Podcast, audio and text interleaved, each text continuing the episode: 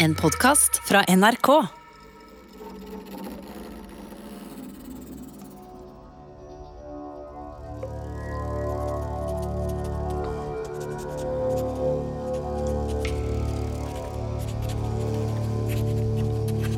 På slutten av 1100-tallet levde en klok og lærd mann i Norge som het Tore Munch. Han hadde studert i Paris, hadde han. På 1100-tallet. Han Tore Munch skrev ei bok, 'Historien om de norske kongene'. Ja, han laga kongerekka, han òg. Men han laga aldri podkast. Han slutta fordi det rett og slett ble for drøyt. Han slutta på det punktet i historien hvor vi er akkurat nå. Nå ble det for grovt og brutalt og ugudelig å fortelle videre til etterslekta. Hit, men ikke lenger, sa Tore Munch og knakk fjærpenna i to. Vi har dessverre ingen slike kvaler å kjøre på. Advarsel. Denne episoden inneholder sterke scener og eksplisitt innhold som seksuelle situasjoner, rusmisbruk og vold, og kan være ubehagelig og støtende for enkelte lyttere. Du er herved advart.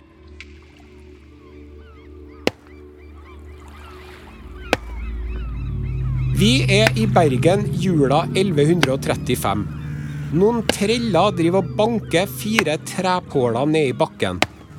Han ene trellen rugger litt på dem for å sjekke at de sitter godt nok, og finne ut at de gjør det. Han nikker til to andre treller som springer av gårde. Like etter kommer de tilbake med en bleik og sliten og skrekkslagen fange. De kaster fangen ned på bakken og binder fast armer og bein til hver påle. Nå ligger mannen som i en stor X. Han trygler og ber og prøver å komme seg løs, men det nytter ikke. Bom fast! Så begynner de å skamfære han. Med en kniv graver de ut det ene øyet. Mannen hyler i smerte. Så tar de det andre øyet. Mannen uler høyt. Da tar de ei øks og hugger av den ene foten. Nå er det ikke så mye lyd igjen på stakkaren som ligger der. Han ligger mest og ynker seg. Men de er fanken ikke ferdig ennå heller. Den ene trellen, lederen, løsner opp buksa på mannen mens han rynker på nesen, for mannen har både tissa og bæsja seg ut. Så tar han kniven og skjærer av stakkaren ballene og kaster dem fra seg. En løshund kommer springende og plukker dem opp med munnen før den lunter av gårde. Det her er Magnus Blinde, konge av Norge. Stakkars Magnus. Alle konger i Norge, både før og siden, samme hva galt som har skjedd med dem, ballene har de fått beholde. Hvordan i all verden kom vi hit?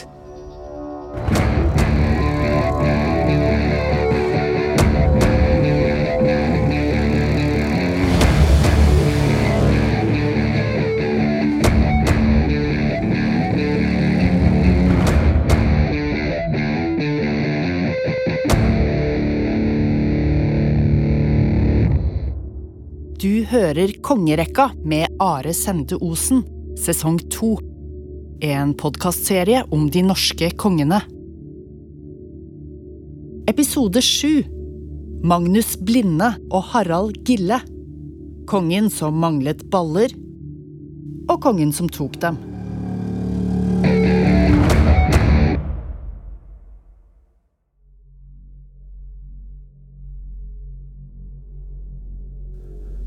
Magnus var sønnen til kong Sigurd Jordsalfaret, og Harald Gille var onkelen hans, altså Magnus sin onkel.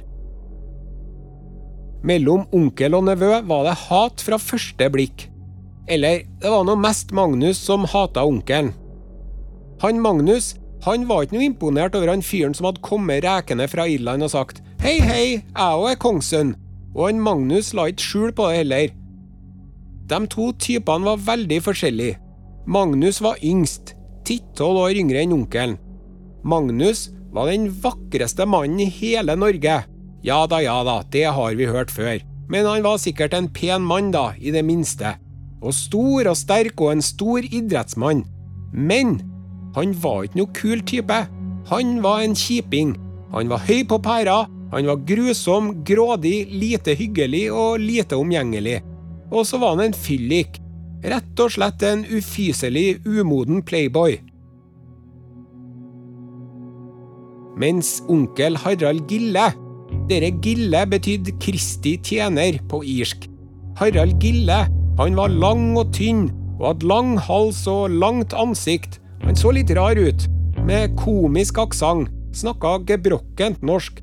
Han lærte seg aldri norsk flytende, han Harald Gille, og nordmennene drev og hermet etter han for det. Men han var godt likt, for han var vennlig og lystig, glad i moro, gavmild og spandabel. Han var ikke høy på pæra, og tok gjerne imot råd og hørte på hva andre hadde å si. Og kong Sigurd Jordsalfaret hadde jo fått både Harald Gille og alle folkene i hele Norge til å love at det var Magnus som skulle arve tronen når kong Sigurd sjøl havna under torva. Og så var det en gang mens Sigurd ennå var konge, at de var i Oslo. Kongen hadde lagt seg tidlig, men Harald Gille, den rykende ferske kongsbroren, og Magnus, kronprinsen, og en gjeng med folk satt og drakk. Og han Harald Gille fortalte hvordan det var borte i Irland. Og han sa at i Irland, der er noen menn som er så raske til fots at de kan springe fra en hest om det så er om å gjøre. Og Magnus hørte dere og sa skitprat, nå lyver han igjen. Men Harald Gille sa nei da, det stemmer det, sjø. I Irland finnes det menn som er så kjappe at ingen hester greier å springe forbi. Og så drev de og akkederte og kjekla om dere, og begge to var gode og fulle. Og så sa han Magnus, tørs du vedde? Hvis du klarer å springe fortere enn jeg rir på hesten min, skal du få den gullringen her. Men hvis du taper, skal jeg ha hodet ditt. Det var ikke det jeg sa, sa han Harald Gille. Jeg sa ikke at jeg var så kjapp. Jeg sa at i Irland finnes det menn som er så raske. Det kan jeg godt vedde om.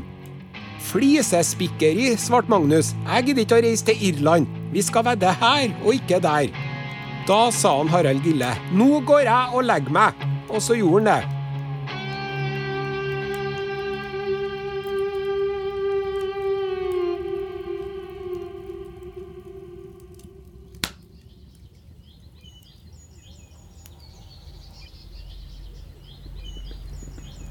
Men morgenen etter for Magnus opp i gata, attmed der Vålerenga i dag, med hesten sin, og sendte bud til en Harald Gille om at nå måtte han komme.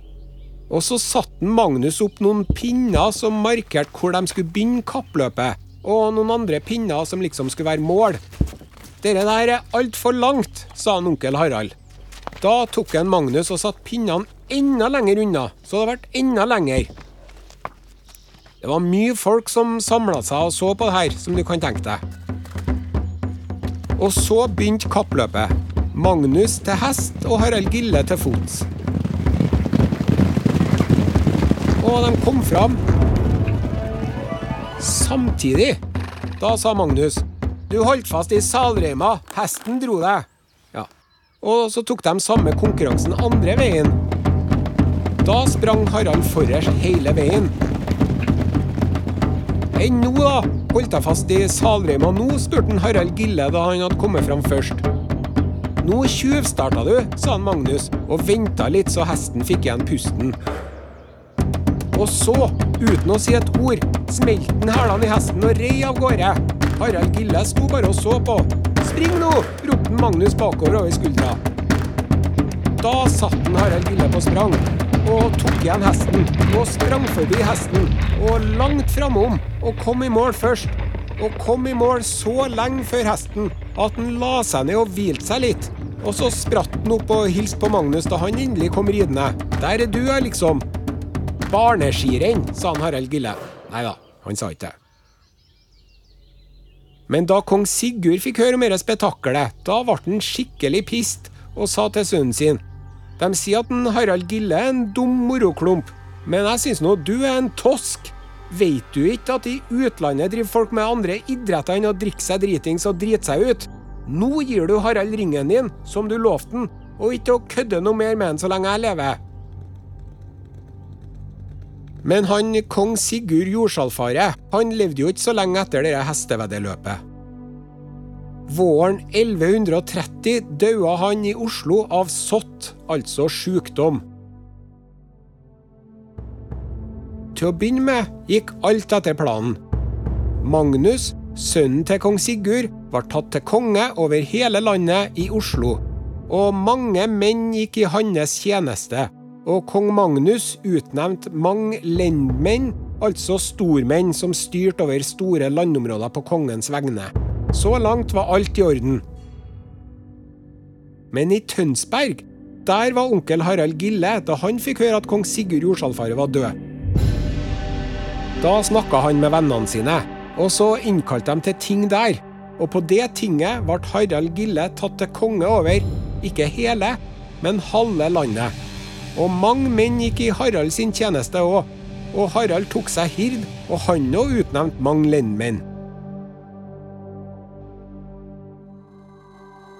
Ja, men i all verden, hadde ikke Harald Gille lovt dyrt og hellig at han ikke skulle prøve å bli konge så lenge nevøen Magnus levde?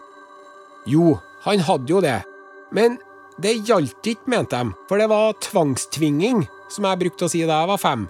Den eden sa han under tvang. Dessuten hadde Harald Gille hatt lygekors da han lovte dere. Ja, de sa jo ikke det, da, men de kunne like gjerne ha sagt det. Og nå var hele situasjonen ganske så spent. I sju dager holdt alle sammen pusten mens sendebud og utsendinger for mellom Oslo og Tønsberg.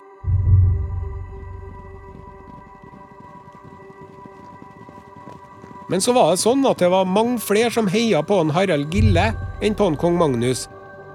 Og det er lett å skjønne at folk foretrakk joviale Harald framfor denne bortskjemte, vanskelige vrangpeisen Magnus.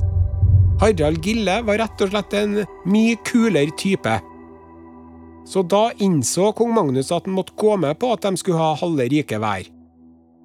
Men kong Magnus skulle få alle skipene og kostbarhetene og rikdommene og løsøret etter kong Sigurd Jordsalfaret, inkludert tallerkenene og sølvtøyet og bestikket og borddukene. Ja, det står det i sagaen.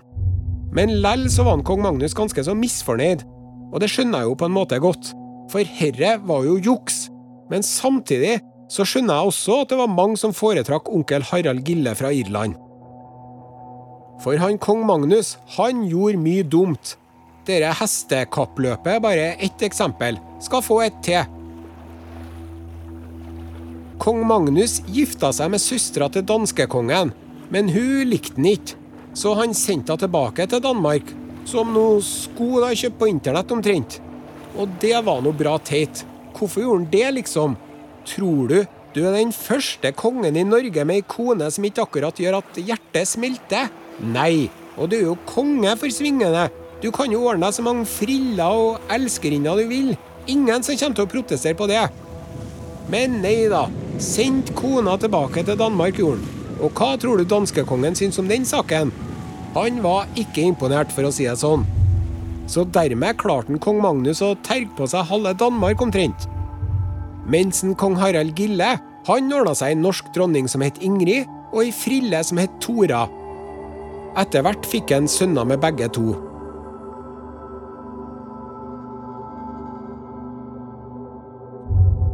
Sjøl om de to kongene var veldig uenige, holdt den skjøre alliansen i noen år. Tre år, for å være presis. Men det fjerde året seilte kong Magnus fra Trondheim sørover langs land med flåta si og tok med seg alle folkene han kunne få med seg, og spurte alle vennene sine om å bli med og ta en kong Harald Gille. Husk at han sverga at han ikke skulle prøve å bli konge, men så gjorde han det lell. Ja, og det var mange stormenn som ble med på det her. I mellomtida for onkel Harald omkring og samla folk, han òg. For han hadde fått med seg hva kong Magnus drev med. Og sånn for de rundt de to kongene, og overalt hvor de for, drev de og slo i hjel buskap og drepte folk som de mente var på motsatt lag. For å gjøre en lang historie kort, så endte de opp med å slåss på en åker nedi Bohuslän, som i dag er Sverige, men den gangen var norsk. Samme det. Han kong Magnus hadde mange flere folk enn kong Harald Gille, og Magnus vant. Og mange av kong Haralds menn døde, og han måtte bare stikke av og for til Danmark. Der ble Harald Gille tatt godt imot av danskekongen, for kong Magnus hadde jo blitt uvenner med han, annet pga. den danske kona han sendte tilbake, og flere andre ting. Den historien er ganske komplisert. Kjedelig vending for kong Harald Gille, mens kong Magnus var kjempefornøyd. Nå var han Magnus konge i Norge, alene. Synd og skam at han ikke fikk slått i hjel den dumme onkelen sin, men nå var nå han ute av landet og ute av bildet og kunne bare sitte nede i Danmark og suge på labben. Seieren er vår, sa kong Magnus. Vi oppløser hæren. Alle krigere og stormenn kan bare fære hjem til gårdene sine. Takk for nå. Og jeg, nå skal jeg til kongsgården min i Bergen. Unnskyld, kong Magnus, sa rådgiverne hans. Er du sikker på at det er så god idé? Er ikke lurt å kule egget litt her ved Oslofjorden, og kanskje holde på hæren, enn om en Harald Gille kommer tilbake? Nei da, sa kong Magnus. Jeg vet til Bergen med det samme. Der har jeg det som fisken i vannet. Gjør som jeg sier nå. Nå drar vi. Stakkars kong Magnus. For en egenrådig og sta type. Skulle tro at noen hadde skåret av en ørene allerede, så dårlig som han var til å høre etter gode og velmente råd. Og så ble det sånn. Hæren ble oppløst, og alle krigerne for hver til sitt, og kong Magnus til Bergen. Og så kom jo kong Harald Gille tilbake fra Danmark med en ganske liten hær, og kom til Oslofjorden, Østlandet. Der var det noen bønder som prøvde å stå imot den, og hvis en kong Magnus hadde vært der med hæren sin, da hadde de sikkert slåss mot en Harald Gille og vunnet, men dere bøndene der, de inngikk en avtale med kong Harald Gille og la seg under han isteden. Og så for kong Harald Gille rundt på Østlandet og samla folk og bygde opp hæren sin enda bedre, og var stort sett eh, snill og grei med alle. Bortsett fra dem han visste var kong Magnus sine menn. De plyndra han og drepte der han kom over dem. Og i Bergen, der satt en kong Magnus, og han fikk jo høre om det her, og sa ei, ei, ei, har den forbaska onkel Harald kommet tilbake? Filler'n, det var dårlige nyheter, gitt. Hva skal vi finne på nå, da, mon tro?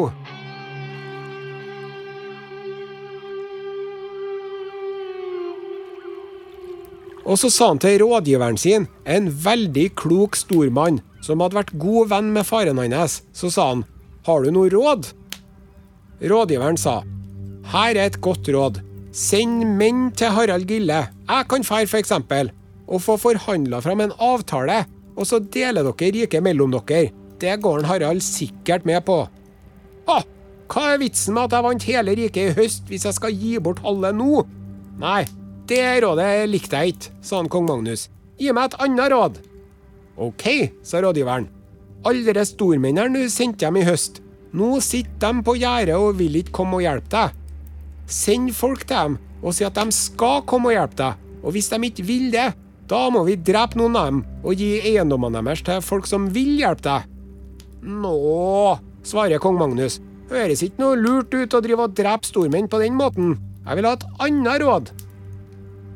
Da sa rådgiveren, det blir vanskelig å finne på råd når du ikke vil forlikes og ikke vil slåss. Men du, da drar vi til Trondheim, hvor det er plenty folk som er lojale mot deg. Og så samler vi folk på veien. Da kanskje Harald og dem tenker seg om før de begynner å kødde med oss. Men han vrange, dumme Magnus, vet du, han sa jeg skal nå ikke stikke av fra de folkene som jeg jaga bort i sommer. Gi meg et bedre råd. Da hadde han fått nok, han rådgiveren. Han ble sur og sa greit, da skal du få det rådet jeg ser du vil ha. Sitt her i Bergen, du, til Harald Gille kommer og tar deg. Og da blir det enten død eller skam på deg. Og så for nå han rådgiveren, og det skjønner jeg godt. Sånn ble det. Kong Magnus var nå i Bergen, og kong Harald Gille for vestover mot Bergen med hæren sin. Og den var så stor, den hæren. Det var sånn en folkemengde som for mot Bergen, at folk kalte den vinteren for Mugevinteren. Og en muge det er en folkemengde, så de kalte det for Folkemengdevinteren. Så det sier nå litt.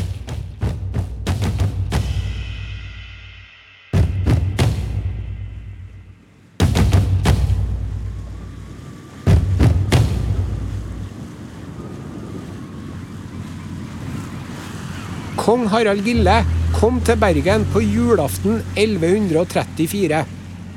Men han ville ikke slåss i jula. Han ville ikke forstyrre julefreden. Så de la seg til utafor Askøy, rett utafor byen. Og da, da først, Da først skjønte kong Magnus at jæven, herre er alvor. Så da begynte kong Magnus å forberede seg på slaget han visste måtte komme. Litt lite, litt seint, men lell. Han kong Magnus fikk satt opp en slags eh, katapult ved kongsgården ute på Holmen, der Bergenhus festning er nå. En katapult det er en kastemaskin som slynger steiner mot båter og sånt.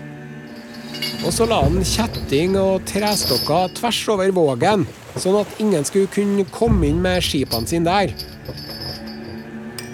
Og så fikk han smidd mange fotangler. Hva er nå det? Jo, det er en slags felle. Svære, kvasse kroker som man tråkker på og får i foten, sånn som du får en fisk på kroken omtrent. Au! Og disse fotanglene strødde han utover det området som heter Engen i dag. Det var eng og mark der på den tida. Det er området rundt den nasjonale scene og der nå. Og sånn holdt de nå på med forberedelser i romjula.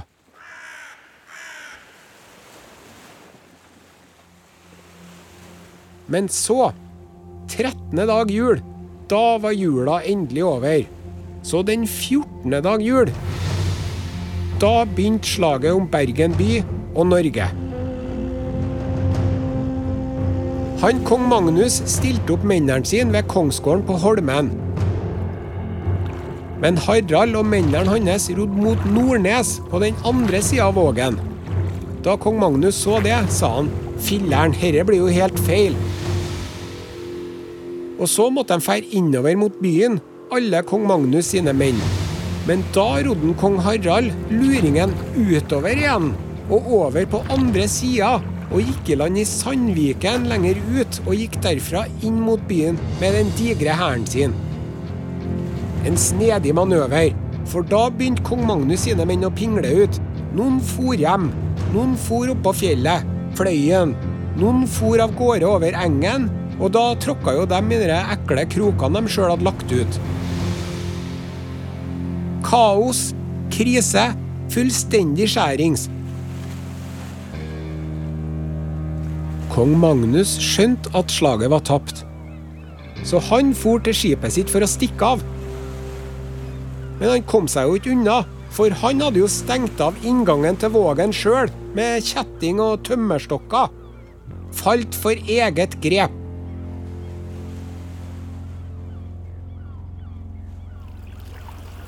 Og så kom nå kong Harald Gille sine menn om bord på kong Magnus sitt skip. Der satt den kong Magnus foran i båten, oppå skipskista si. Han var tatt til fange og dratt opp på land. Kong Harald Gille hadde møte med rådgiverne sine, og de spekulerte på hva skal vi gjøre med en Magnus, mon tro. Da fant de ut at de skulle nå sørge for at han aldri ble konge av Norge igjen, ja. Og dermed er vi tilbake til de fire pålene og mannen som lå som en X imellom dem. For kong Harald Gille sine triller de mishandla og kvesta Magnus, blinda han og hogde av den ene foten og kastrerte han. Det var arbeid verdig for en trell og ikke for hirdmenn. Stakkars blinde, balleløse enfotingen Magnus. Magnus Blinde, han sendte dem i kloster.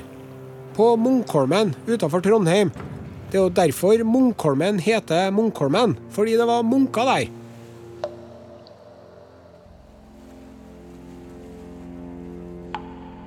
Etter det var det ingen som krangla noe mer med en kong Harald Gille. Nå var han konge alene, og det var han så lenge han levde.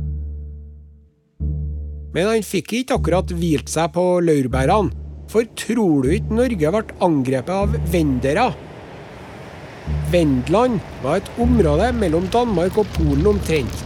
Og dere venderne kom og herja fælt og brant byer og borger og tok masse greier og tok folk til fange og solgte dem som treller, og det var jo ikke artig. Men det er litt artig, sjø. For i flere hundre år hadde norske vikinger drevet og herja i Vendland sjøl, så nå fikk nordmennene smake sin egen medisin. Det var ikke så artig andre veien med denne herjinga var artigere å herje enn å bli herja med. Nei, si du det, gitt. Karma is a bitch. Men etter ei stund, så for nå disse venderne hjem igjen, så det var nå bra. Men nå skal du få høre. Nå dukker det opp en ny karakter her. Historia gjentar seg. Det banker på døra til en Harald Gille på Kongsgården i Bergen. Utafor står det en stor, atletisk mann med brunt, tynt hår, blå øyne og en klump på nesen, og han sier Hei, hei, kjære bror. Ja, det stemmer. Jeg er broren din. Jeg òg har kong Magnus Berfødt til far. Er ikke det artig? Sigurd Slembe heter jeg.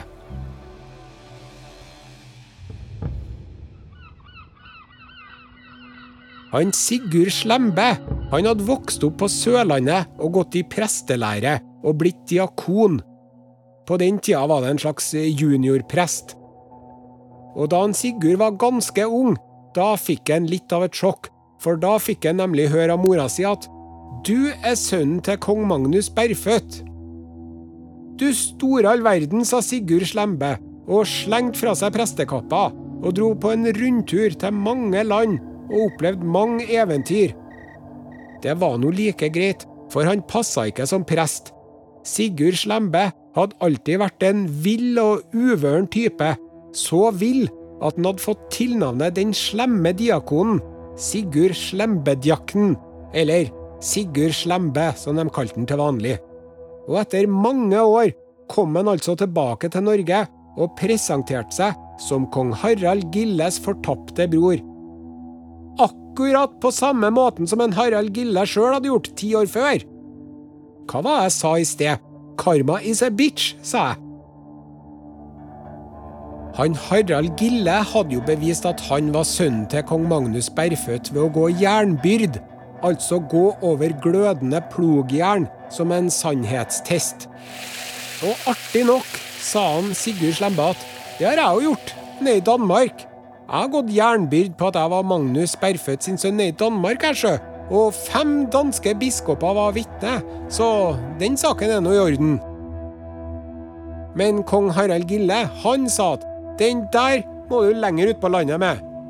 Dere der tror ikke jeg noe på, og dere der er bare noe danskene har funnet på. Så de godtok ikke i det hele tatt at en Sigurd Slembe der var broren til kong Harald Gille. Og jeg skjønner en kong Harald Gille veldig godt. Han var ikke interessert i å få en konkurrent til tronen. Han hadde ikke tenkt å la seg lure på akkurat samme måten han sjøl hadde lurt alle de andre. Så kong Harald Gille diskuterte litt med mennene sine, og de fant ut at en Sigurd Slembe en gang hadde vært med på å drepe en av kongen sine beste venner. Og det fant de ut at de kunne bruke moten nå, for å få en ordning på hele det Sigurd Slembe-problemet. Så de sendte noen menn for å hente den, og så tok de den med seg om bord i en båt, og så rodde de av gårde. Og han Sigurd Slembe satt nå her i båten og tenkte at herre er ikke noe artig, uh, hva som foregår nå? Hva skal de gjøre med meg, mon tro? De har sikkert tenkt å drepe meg, tenkte Sigurd Slembe, og det tror jeg òg. Og alle de mennene i båten drev og rodde og drakk og kosa seg og var god og full. Og så sa han Sigurd Slembe at unnskyld meg, men kan jeg få slå lens? Seffen, svarte mennene. Og så reiste Sigurd Slembe seg i båten, og to av mennene holdt fast i den, så han verken skulle stikke av eller dette uti. Men Sigurd Slembe tok og kleppa tak i begge to og heiv seg ut i vannet. Plask, sa det. Og dem i båten var jo fulle og brukte lang tid på å snu. Det er en grunn til at man ikke skal drikke i båten, folkens. Og så måtte de fiske opp de to uheldige vaktene, og i mellomtida var han Sigurd Slembe søkk vekk. Men han hadde ikke drukna. Han kom seg på land. Og nå skulle han Sigurd Slembe hevne seg. Så han gjemte seg i Bergen og drev og spekulerte og pønska og planla hvordan han skulle få tatt rotta på kong Harald Gille. Det skulle vise seg ikke å være så vanskelig akkurat det. Det hadde seg nemlig sånn. Mange av kong Harald Gille sine menn hadde tidligere vært Magnus Blinde sine menn. Kong Harald ga dem jobb etter at han slo ut Magnus Blinde. Og sjøl om de nå var kong Harald sine menn og livvakter, så kunne de egentlig styre seg for han, og ville gjerne være med å konspirere og få satt han ut av spill. De mennene kom en Sigurd Slembe i kontakt med. Og så var det en kveld at to av kong Harald Gille sine menn satt og prata med kongen, og så sa han ene mannen Konge, du må hjelpe oss med veddemålet vårt. Vi har vedda ei stor bøtte med honning, sjø. Jeg sier at du skal ligge sammen med kona di, dronning Ingrid, i natt, men han andre her, han sier at du kommer til å ligge hos frilla di, hun Tora. Nå må du hjelpe oss. Hvem har rett? Flirte kongen og pekte på den ene mannen. Du vinner nok ikke det veddemålet. og dermed visste de hvor kong Harald Gille skulle ligge den natta. Kongen gikk ikke til huset hvor dronninga sov, og alle vaktene sto utafor. Han gikk til elskerinna si i stedet. Om natta lista Sigurd Slembe og noen kompiser seg så stilt på tå bort til det huset kongen var i. Med dragne våpen brøyt de opp døra og for bort til senga kongen lå i. Og han stakkars kong Harald, han var rett og slett dritings, så han våkna ikke før de begynte å hogge. Da sa han i ørska, nå er du hardhendt, Tora, dette er vondt. Men hun Tora spratt opp og sa, de er mer hardhendt enn meg, de folkene der. Og så begynte de å hugge og stikke kongen for alvor.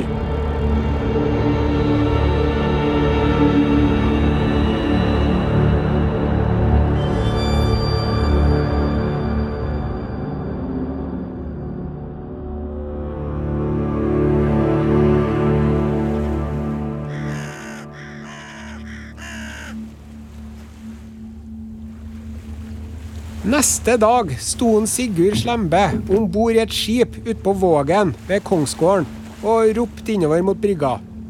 Hallo, alle sammen. Hallo. Unnskyld, unnskyld. Hallo. Kan alle sammen høre etter? Takk. Saken er den at jeg har drept kong Harald Gille. Og det var ikke med lett hjerte at jeg gjorde det. Og jeg skulle ønske at jeg hadde sluppet å gå så drastisk til verks, men jeg så rett og slett ingen annen utvei. Men gjort er gjort, og nå er kongen død. Og derfor vil jeg nå gjerne at dere skal ta meg til konge, siden jeg er sønnen til Magnus Bergfødt, jeg òg. Og jeg har rett til det, sa han Sigurd Slembe. Men han rakk ikke å snakke ferdig heller, før han ble dunga ned i bananskall og råtne tomater. Ja, det fantes jo ikke i Norge den gangen, men dere skjønner hva jeg mener. Folk var ikke noe interessert i det. Bu! ropte de. Nei! Ikke fanken! Glem it! Vi skal ikke ha til konge en mann som dreper sin egen bror. Og om kong Harald Gille ikke var bror din, da har du ingen rett til å bli konge. Bu! Ha deg ut! Og stakkars Sigurd Slembe, bare. Pussig. Hadde sett for meg et helt annet utfall på denne situasjonen, ja, det må jeg innrømme. Nå ble jeg tatt litt på senga, gitt. Hva i all verden? Dere folkemengden der begynner å se litt skummel ut. Driver de å blæse i lur og greier. Se, der kommer det væpna menn. Gutta, nå må vi fær! Heis seilet, gutta! Og så for nå han utover fjorden.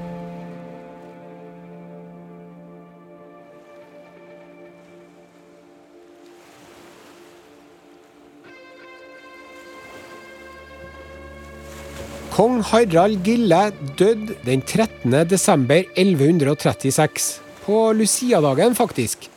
Han rakk ikke å være konge alene et helt år heller, han, før det skar seg. Alt i alt var han konge i Norge i seks år. Da dronning Ingrid våkna om morgenen den dagen, så at det var tomt i senga ved siden av seg, og så tenkte hun at ja ja, han har vel ligget til Tora i natt igjen. Men så fikk jo hun òg beskjed om at kong Harald var død. Og da var hun på alerten.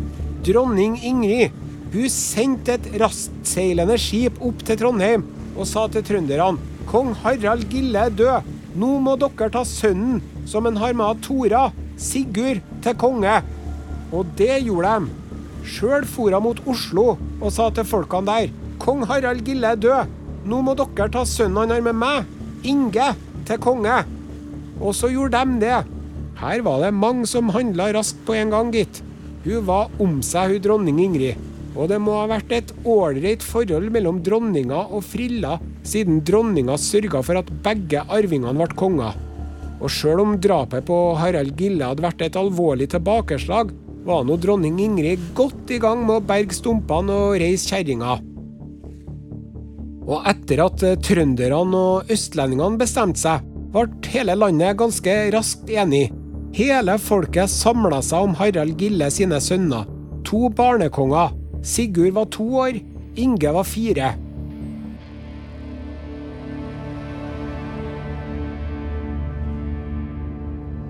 Men du, hva med en Sigurd Slembe, da? Den slemme diakonen. Har han gitt seg, han da? Det har han ikke. Han Sigurd Slembe er på vei til Trondheim. Han skal hente Magnus Blinde ut av kloster.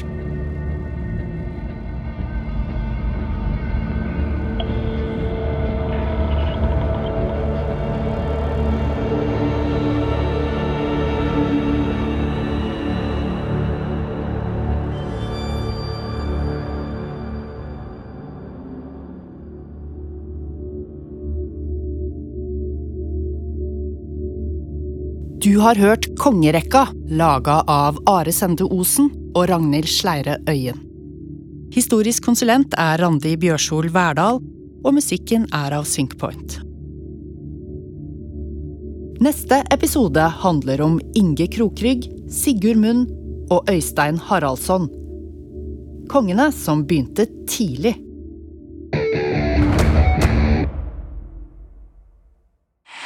Du har hørt en podkast fra NRK. De nyeste episodene hører du først i appen NRK Radio.